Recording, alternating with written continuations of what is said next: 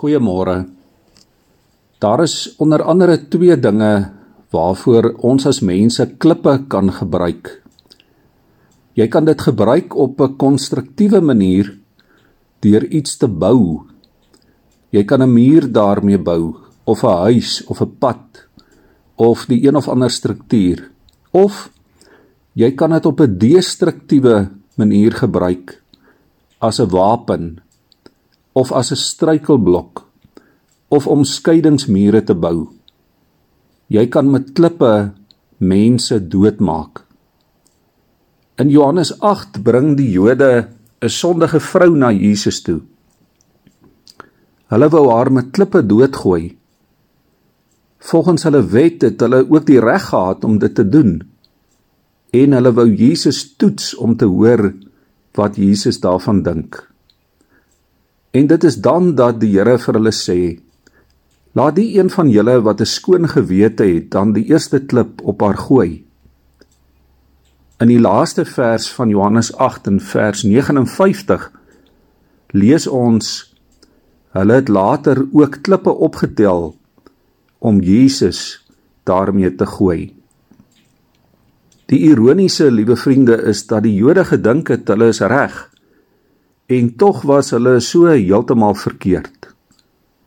Hulle het gedink hulle ken God en hulle ken sy wil. Hulle het gedink hulle weet presies wat is reg en wat is verkeerd. Maar hulle het hulle self misgis. En daarom kon hulle ook nie vir Jesus sien vir wie hy regtig is nie.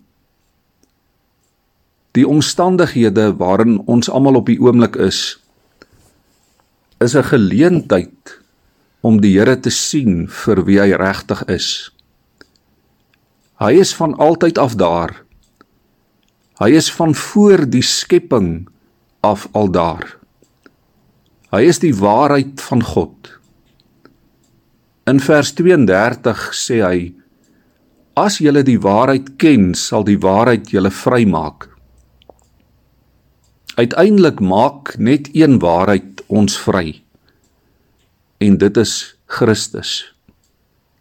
In vers 12 sê hy: Ek is die lig vir die wêreld. Hy maak die lewe sinvol.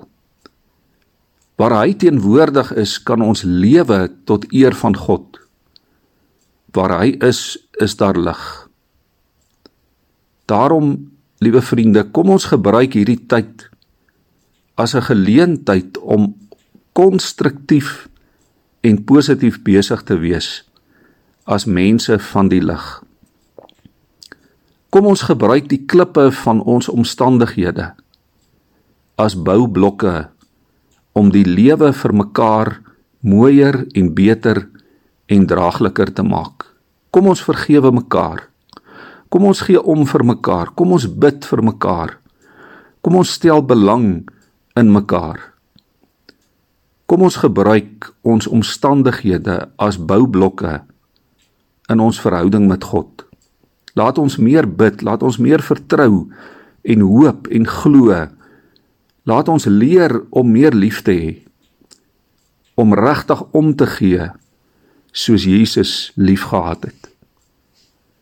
Kom ons wees veral ook versigtig in ons beoordeling van die tyd en die omstandighede en in ons beoordeling van mense. Ons kan so maklik met klippe gooi.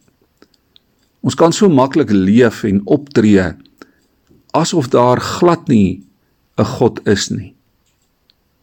Christus het self gesê hy het nie gekom om die wêreld te veroordeel nie, maar sodat die wêreld deur hom gered kan word.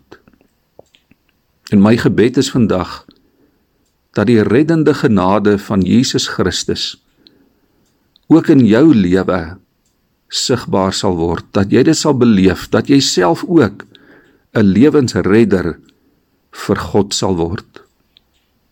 Ons bid saam. Here, dankie vir u genade.